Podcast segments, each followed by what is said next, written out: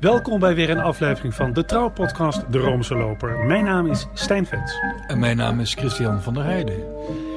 Christian, ik ben in een beetje vreemde stemming. Wat is er aan de hand? Nou, ik was op weg op de fiets hier naartoe. Uh, naar de opnamestudio. En ik werd klemgereden door iemand in een uh, Tesla. Dat is zo'n uh, elektrische auto.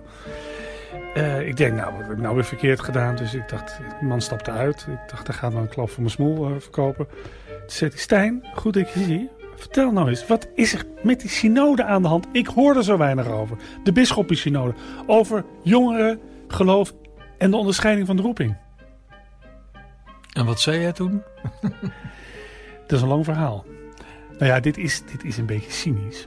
Dan ben ik, ja, ja maar dat weet ik. weet Maar, maar het, het is, we kunnen toch wel vaststellen dat na twee weken vergaderen in Rome uh, we nog eigenlijk geen idee hebben waar dat allemaal heen moet. Uh, er wordt uh, die 266 bisschoppen, die, die waarnemers, die, die jongeren tussen de 18 en de 29, ik zou zeggen oudere jongeren, die daar elke dag in die Paulus de Zessenzaal bij elkaar komen. Af en toe zijn er inderdaad persconferenties, maar er wordt elke dag wat anders gezegd. Het ene moment gaat het over de, de, de, de mondigheid van de vrouw ander moment gaat het over het celibaat. Of het gaat even over misbruik. Of het gaat over vluchtelingen. Ja, inmiddels is er een, klein, is er een comité bezig uh, een slotverklaring op te stellen. Ja, ik, ik, ik prijs me gelukkig dat ik daar niet in zit. Want wat moet je opschrijven? Ja, dat vraag ik ook af. Je hoort af en toe wel wat leuke dingen. Bijvoorbeeld uh, de Nederlandse afgevaardigde Everard de Jong, hulpbisschop van Roermond. Die uh, had een berichtje gestuurd. Hij had een, een, signaal van, van leven gegeven en, door middel van een interview. En daaruit bleek dat hij de opsteller is van een artikel op Wikipedia. Ja, en waar gaat het ook weer over? De onderscheiding der geesten. Want dat is een van de onderwerpen van deze synode, de onderscheiding van de roeping. En onderscheiding, daar hebben we het al vaak over gehad, is een Ignatiaans begrip. Althans, dat komt ook voor in de Bijbel. Daar schrijft hij over. Dat vond ik eigenlijk wel leuk. Een, een bisschop die op Wikipedia dat uh, heeft, uh, heeft opgeschreven en bijhoudt. Iets anders vond ik, dat was een hulpbisschop van Brussel. En die zei, uh, de afgevaardigde van de Belgische bisschoppenconferentie, en die zei dat hij ervan overtuigd was dat er jonge gehuwden wel zeker priesterroeping kunnen hebben. En eigenlijk pleitte hij ervoor om deze jonggehuwden, hij zei trouwens niet erbij of dat mannen of vrouwen moesten zijn, dat die eigenlijk de handen opgelegd moeten krijgen. Dat vind ik toch wel een. In België, de revolutie zal er niet uitbreken. Maar we kunnen wel zeggen dat links daar aan de macht is. Ja, nou ja, kijk, en het is, maar, het is inderdaad aardig dat hij dat gezegd heeft. Maar voor de rest heeft het toch een hoop proefballonnen gehalte, zo'n synode. Ja, men krijgt vier minuten de tijd om iets te zeggen. En er wordt natuurlijk veel uh, bekonkeld ook in die verschillende taalgroepen. En dan, uh, ja, dan gaan we het zien. Ik moet je heel eerlijk zeggen, dit keer ben ik eigenlijk alleen maar geïnteresseerd in de einduitslag en niet zozeer in de wedstrijd. De synode duurt nog tot 28 oktober. het, is ook inderdaad gebruikelijk dat het in de laatste dagen wat spannend wordt. Ik ga er ook heen, dus ik zal daar ook uh, verslag van doen. Maar tot nu toe moeten we zeggen dat wat zich buiten de synodezaal afspeelt spannender is dan wat zich binnen de synodezaal afspeelt. Je hebt het dan over, over dat protest van vrouwen? Nou, dat ook. Ik moet zeggen, uh, dames, alle succes, maar ik geef jullie weinig kans. Dat was wel sympathiek, hè? Nonnen en, en, en andere lekengelovigen die eisen eigenlijk dat zij stemrecht krijgen in uh, de bisschoppensynode. Dat is natuurlijk wel een beetje lastig, omdat uh, er zijn geen vrouwelijke bisschoppen. Nee, en vrouwelijke synodevaders. Nee, maar er zijn wel leken, of althans, dat kan wel. Er kan bijvoorbeeld een, een, een religieuze overste, die, die, hebben, die, die kunnen ook synodevader zijn, die geen wijding hebben gehad. die zijn er dus ook. Dus dat is niet helemaal. Uh... Maar Christian, luister, het is 2018. Het is bijna 100 jaar geleden dat de vrouwen in ons land stemrecht kregen. Mm. Dat is, dat, dat, dan kan het toch niet zo zijn dat er, dat er vanuit de hele wereld, kijk, vanuit alle hoeken en gaten mensen naar Rome komen om over iets te praten. En dat vrouwen eigenlijk niet kunnen stemmen. Die eigenlijk, eigenlijk niet kunnen stemmen. Ze kunnen niet stemmen. Nee, maar dat is anders. Dan moet er eigenlijk een, een ander soort beraad komen. Want dit is een, een assemblee van de bisschoppensynode. Ja. Je kunt ook zeggen, we, organiseren een, een, een, synode waar zowel bisschoppen, priesters, religieuzen als leken aan het woord komen. En aangezien de leken ver in de meerderheid zijn, zou dat wel eens heel interessant kunnen zijn. Maar dat lijkt mij een beetje lastig te organiseren. Maar wat ik zei, wat zich buiten de synodezaal afspeelt, is, is interessanter dan wat zich binnen de synodezaal afspeelt. En dan doe ik, doe ik bijvoorbeeld ook op het uit het priesterambt zetten van twee bisschoppen op één dag. Terwijl de Chileense president, het gaat om twee Chileense bisschoppen, terwijl hun president dus op bezoek kwam bij de paus. Ja, dat geeft wel aan hoe groot de smeerboel is in China. Er waren trouwens meerdere staatshoofden aanwezig op 14 oktober bij de heilige verklaring van zeven zaligen. De president van El Salvador was er, van Panama, van Chili um, en van Italië. En die waren bij ja, toch wel een historische heilige verklaring van Paulus VI. Hij is nu de derde paus die door Franciscus is heilig verklaard. Toch wel heel bijzonder. En natuurlijk Oscar Romero. Er is al heel veel over gezegd. Hè? Ja, er is heel veel over gezegd. Um, wel een vraag die, kijk, wat jij terecht oppert. Het is de derde paus um, die, deze, die Franciscus heilig verklaart. Mag een paus überhaupt van zijn, een van zijn directe voorgangers zalig of heilig verklaren? Moet hij daar niet van afblijven? Weten we alles al hè? Over, over deze drie? Zijn die archieven allemaal al geopend? Is, de, uh, is, is, is, uh, ja, is het stof al neergedaald? Wil je er met een zekere objectiviteit naar kijken? Lijkt mij niet. Maar goed, er is natuurlijk wel heel veel verering voor uh, Paulus VI, ook in de Italiaanse kerk. In Nederland helemaal niet. Maar in Italië zeker wel. Nou, dan komt in Nederland, weten we eigenlijk maar één ding van die man. Namelijk dat hij de encycliek Humane Vitae heeft doen uitvaardigen met het verbod op de pil. Paulus VI is voor veel wat oudere Nederlandse katholieken staat gelijk met de pil mag niet. En dat is, uh, vind ik toch eigenlijk een beperkte opvatting. Uh, beperkte visie op dat veel rijkere pontificaat.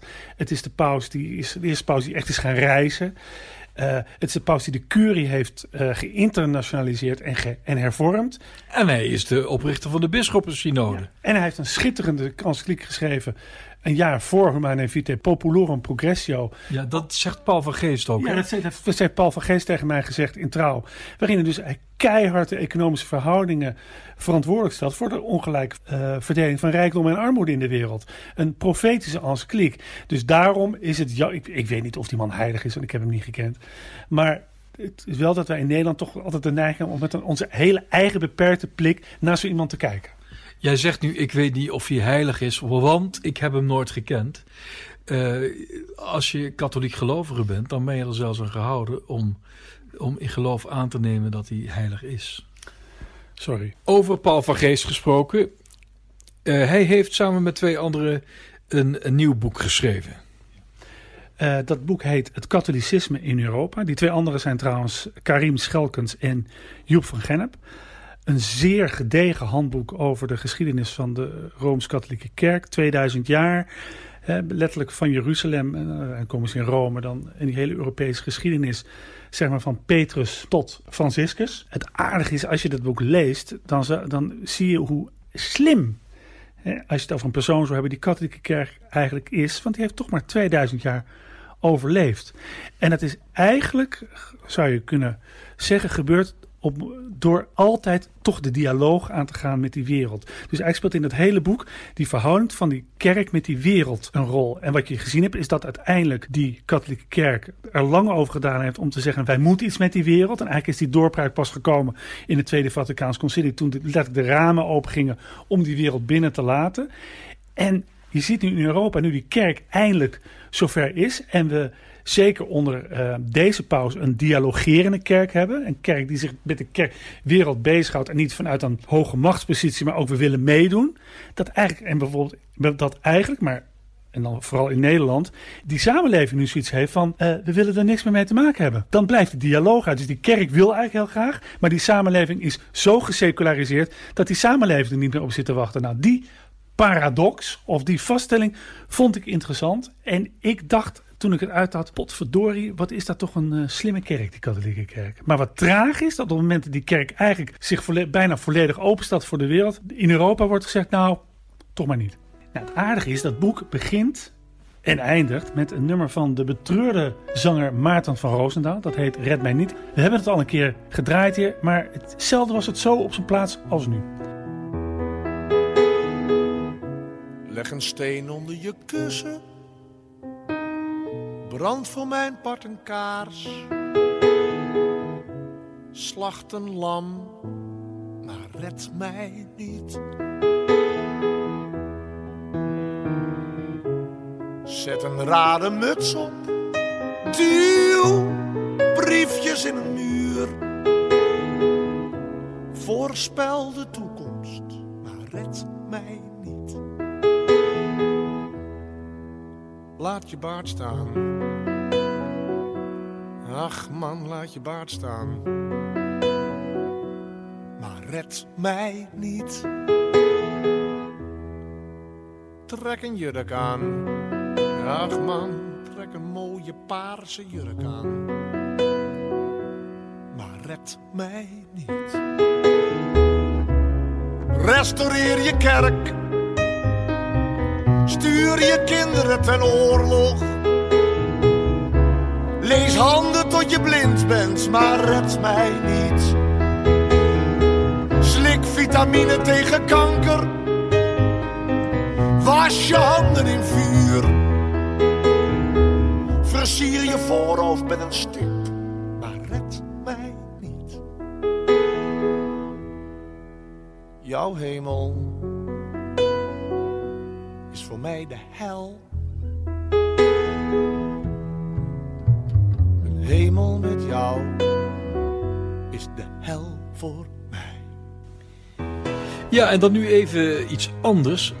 Wat mij getroffen heeft, is het interview van Matthijs van Nieuwkerk De Wereld Draait Door met eh, Beatrice de Graaf, onze vaderlandse terrorisme-expert. Ik ben een, een, eigenlijk wel een fan van haar. Ik, ik mag haar heel graag. Ze is protestants-christelijk, komt daar ook voor uit. Werd uitgenodigd vanwege de publicatie van een nieuw lijvig boek over de wereld eh, sinds Napoleon. Prachtig.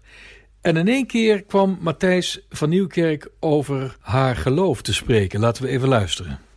Jij geeft een interview aan het Algemeen Dagblad. Jij bent een historica. Jij gaat over uh, jouw belangstelling en jouw kunde en jouw uh, terrein is het terrorisme, het kwaad, het, het, grote kwaad.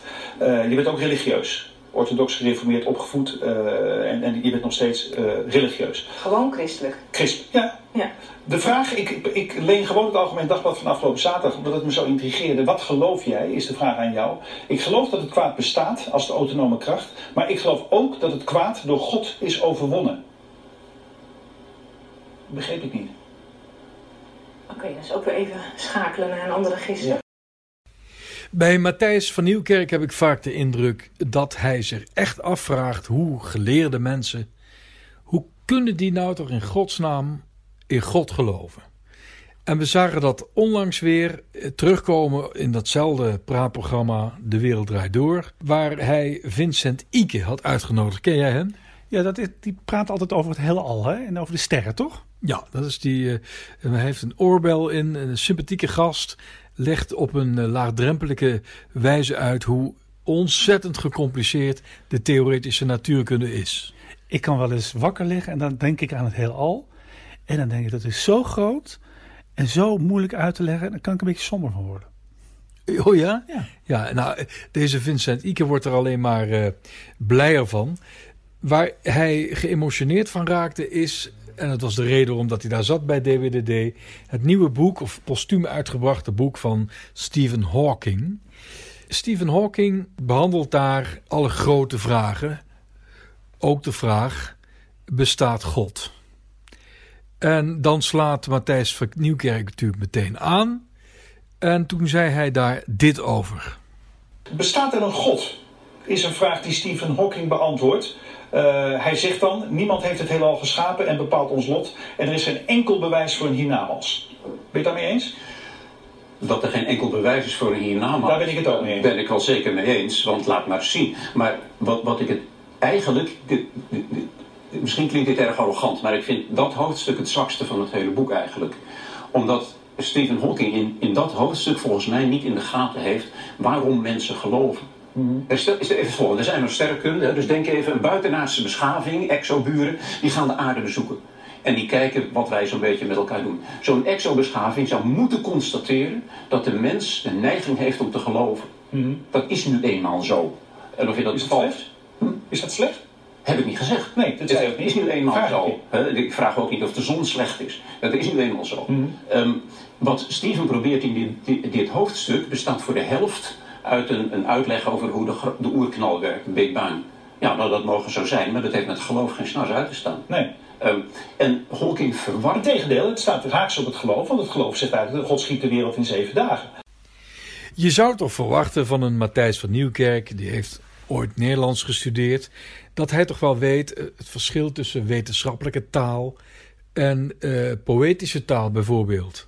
Huub Oosterhuis heeft ooit over de godsdienstige taal, de levensbeschouwelijke taal, gezegd dat is de tweede taal. En gelovige uitspraken die worden in een andere taal gedaan dan wetenschappelijke uitspraken. Dat weten wij, maar dat weet Van Nieuwkerk niet. Die zegt dus, we hebben het hem net horen zeggen: God heeft de wereld in zeven dagen geschapen. Wie daarin gelooft, kan onmogelijk geloven in de theoretische natuurkunde. Dus die, dat hij die twee tegen elkaar uitspeelt, dat is eigenlijk. eh, daarmee etaleert hij zijn onwetendheid. Eh Wittgenstein eh, zei het al, er zijn verschillende taalspellen. Het is toch eigenlijk heel, heel jammer dat Van Nieuwkerk dat niet weet. Daarmee houdt hij dus het vooroordeel tegen christenen in stand. Ja, dat christenen toch achterlijk zijn, zelfs als ze heel geleerd zijn. En ik begin me daar langzaam maar zeker steeds meer aan te ergeren.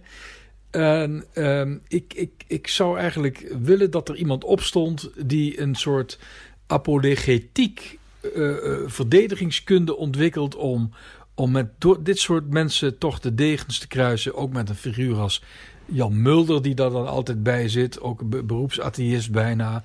Die, die, die, die echt een anticlericale man. Ik, ik vind hem trouwens bijzonder leuk. En, maar in ieder geval vroeg hij dan ook weer aan, eh, aan eh, Vincent Ike dit. Kun je me uitleggen wat niets is? Jawel, maar eh, daar hebben we een kwartiertje extra uitzending van nodig. Ah, knop, hè, je sorry. weet je, dat, is, dat is niet flauw. in één minuut. Nee. Niets, Nee, wat is in dat? één, één minuut kan dat niet. Want daar had Matthijs het net over. Die- Iets in het niets voor die oerknal. Wat, Het, Wat niet kan, kan niet, Jan. Kan het niet? het, het, het kan wel, maar ik ga, ik ga me daar niet Nee, in zo'n korte tijd... Maar, dat- en dat is geen flauwekul, want we spreken elkaar misschien na de uitzending even... en dan kunnen we de tijd nemen. Maar dat ga ik nu even niet doen. Nee, sorry. Dus ik vind het heel goed van, eh, van Ike dat hij zegt: ja, je kunt niet alles in één minuut gewoon even uitleggen. Zeker niet wat het niets is. Overigens, het niets is niet, dus daarom is het ook niets. Maar goed, dat is even eh, eh, metafysica van de verschroeide aarde, zoals ik het altijd zeg. Eh, Stijn, Ik erger me er ook aan. Hè. Langzamerhand hebben wij in Nederland meer respect en meer begrip vooral voor iemand van 95 die in zijn zwembroek en zonder leesbril de Kilimanjaro beklimt. Dat vinden we eigenlijk heel normaal. Maar dat iemand in God gelooft en daarnaast ook nog serieus in het leven dingen wil beweren, daar begrijpen we niks van. Sterker nog, je bent eigenlijk achterlijk, wat jij zegt. Ja, nou en dan, eh, dan, dan schermt eh, Van Nieuwkerk ook met de Big Bang theorie. Hij is volslagen onwetend Want- over het feit de Big Bang theorie. dat de vader van de Big Bang theorie eh, de Belgische priester George Lemaitre is. ja, nou ja, 1966 overleden. En ik denk wel eens met dat, dat, dat beperkt onze blik, deze, deze houding die je niet alleen bij Matthijs van Nieuwkerken, bij Matthijs van Nieuwkerken zit, maar ook in allerlei andere, op allerlei andere fora en allerlei andere media. En dat geeft ook aan dat wij ons nu al, bijvoorbeeld, een ander voorbeeld. Wij maken ons nu al een week druk over Twan Huis. Twan Huis ging, wilde gaan praten met alle mensen rond dat Zwarte Pieter protest. Dat werd tegengehouden op die snelweg. Hij dacht, ik breng ze allemaal bij elkaar. Ik weet niet wie, wie welke afspraken geschonden heeft. Oké, maar dan gaat het dus nu al een week over. Op hetzelfde moment zit in een Pakistaanse cel Asia Bibi. En daar wil ik het over hebben. Dat is een, een, chri- een christelijke vrouw die in Pakistan ter dood veroordeeld is wegens blasfemie. Omdat zij ehm, op een bepaald moment op een snikhete dag een slokje water nam en daarvan door, andere mos, door moslimvrouwen van beschuldigd werd. hey, nu zijn, heb je ons eigenlijk besmet. Want we hebben van jou, van jouw water moeten drinken. Da- daar, voor die vrouw, is in geen enkele talkshow eh, aandacht. Wij zijn bijna volgevreten met aandacht voor onszelf.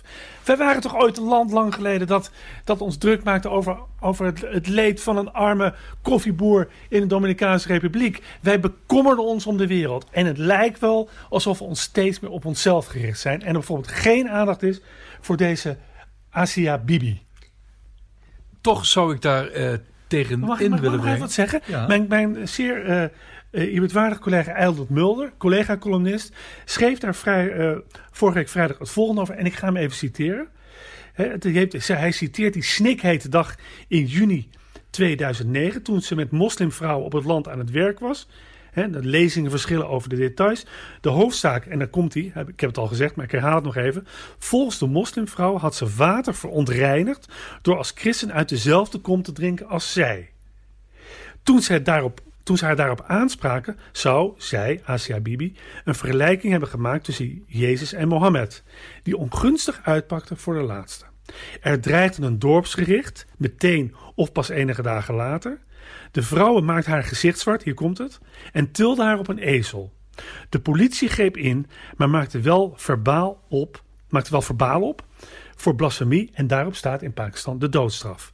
En ineens was Asia Bibi voor geloofsgenoten een heilig icoon en voor anderen een duivelin. Het probleem is nu, ze zit dus in die, in die gevangenis. Eh, vrijlaten is bijna hetzelfde als een doodstraf. Dan wordt ze gelinst. Dat, kan die, dat kunnen ze niet doen. Maar haar veroordelen, eh, haar, haar letterlijk te dood brengen, kan Pakistan, Pakistan ook niet doen. wordt het de paria van de wereld. Dus die vrouw zit een afschuwelijk parket. En dat alles vanwege het drinken van een slokje water. En eh, ik merk eigenlijk niets van dat wij ons daar druk om maken hier. Nee, toch zou ik daar tegen eh, willen inbrengen wat je net zei. Wij maken ons niet druk om de wereld.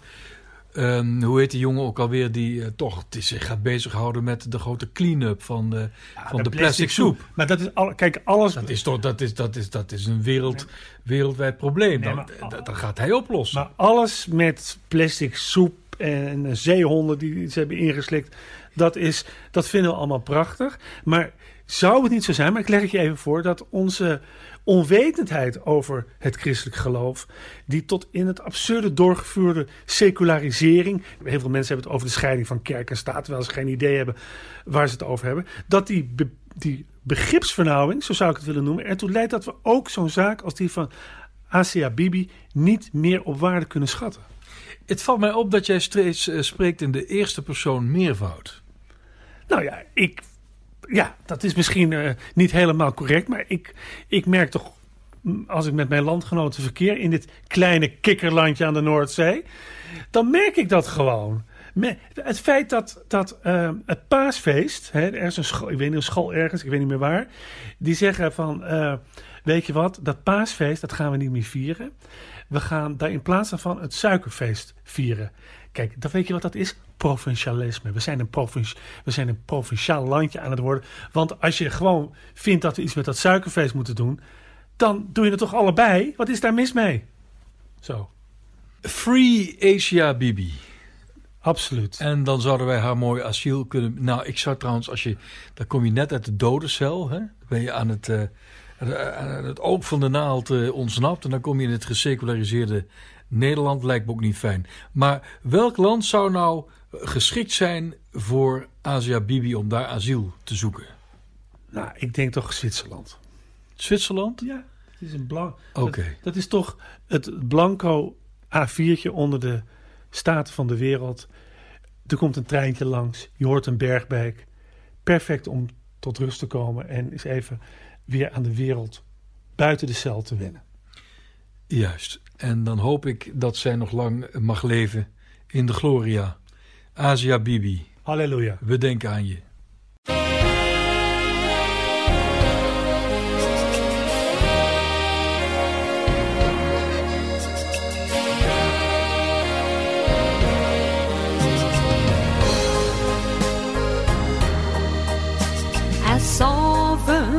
S'avonds de sterren weer gaan stralen, dan denk ik weer terug aan dit geluk.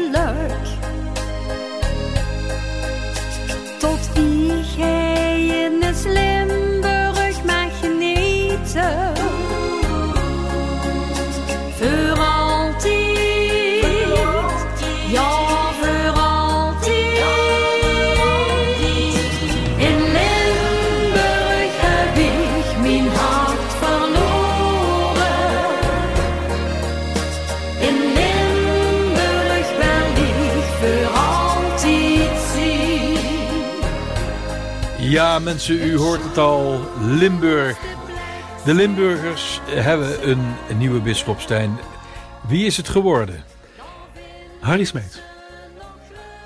Volgens mij kunnen de Limburgers tevreden zijn. Zijn ze dat ook? Want ik heb eigenlijk geen onvertogen woord over deze man gehoord. Ik, ik hoor zelfs dat links en rechts blij is met hem. Dus eh, hij, ziet er ook wel gezellig uit. Het is eh, iemand die van, van een biertje houdt. Eh, communicatief, is ook heel belangrijk. En hij heeft Nederlands gestudeerd in jouw stad. Ja, in, in Utrecht, nou, dat, eh, lijkt me ook een voordeel. Waar ik wel benieuwd naar ben, is... eh, er wordt vaak gezegd dat Limburg een beetje als hè, de, de, het bisdom Roermond... een beetje boven zijn stand leeft als het gaat om de kerken. Hè. Er zijn er natuurlijk wel kerken gesloten, maar lang niet zoveel als in de rest, in, als in andere bisdommen. Weert zegt ook altijd, haal je, haal je, sluit je een kerk, hè, dan haal je God weg uit een, uit een gemeenschap. Maar ja, het lijkt mij dat ook Limburg toch te maken heeft met dezelfde problemen als al die andere bisdommen. Dus Harry Smeets komt op een gegeven moment voor de vraag te stellen: wat ga ik met die kerken doen? Hoe, zo- hoe hou ik ze open? Of ga ik toch ook zo hard snijden als in andere bisdommen is gebeurd? Dus dat vind ik wel interessant voor de toekomst. En opmerkelijk, het is weer een bisschop. eh, die is gevormd op Rolduc, Groot Seminarie Rolduc. We hebben kardinaal Eijk, die heeft daar gezeten. Jos Punt heeft daar gezeten. Eh Liese van Breda heeft daar gezeten. Eh, wie nog meer? Eh, Monsieur Hendricks, de, Monsieur Hendricks, de hulpbisschop van, van Haarlem. de hulpbisschop van Roermond, Everaert de Jong ook. Dus Rolduc is goed vertegenwoordigd. En wat we ook nog kunnen zeggen, hij is door bisschop Gijzen gewijd. Hij hij had eigenlijk een enorm ontzag voor bisschop Gijzen. Ja, die is in de media weggezet als, als, ja, als, als, als een pedofiel. Hè? Ja, en eh, beschuldigd van misbruik. Eh, daar is eh, veel over gezegd. Laat maar zeggen, de, de entourage rond Gijzen heeft het bisschop Weerts ook kwalijk genomen... dat hij eigenlijk vrij snel met die aannemelijke verklaring van die klacht is meegegaan. Ehm, er zijn ook vragen rond, rond, rond die beschuldiging. Die zijn eigenlijk altijd gebleven. In die zin zou je kunnen zeggen dat ook Harry Smeets nog steeds te maken heeft met de erfenis van Gijzen. Want je zou nog steeds kunnen zeggen dat dat bisdom nog, toch nog steeds verdeeld is over de erfenis van die bisschop. Dus al met al kunnen wij namens de podcast eh, Harry Smeets alleen maar sterkte wensen bij zijn zware taak. Is hij iemand voor eh, de herfstserie? Nou, ik zou zeggen, we gaan bellen. En eh, altijd fijn om even gezellig in Roermond op een terras te zitten. En ik denk dat als ik onze luisteraars een beetje ken, willen ze me graag leren kennen. Dat denk ik ook. Hoe is het trouwens met onze herfstserie? Heb jij eh, Elsbeth Grütke al eh, uitgenodigd? Daar ben ik mee bezig. En op dit moment eh, zou ik willen zeggen over onze herfstserie... De bladeren vallen van de bomen. Die herfstserie gaat er komen. En zo niet, dan gaan we gewoon er een mooie winterserie van maken. Want u heeft nog een zomerserie van ons te goed. Nou, het mooie is natuurlijk dat... Dat vind ik het mooie van het weer. Hè?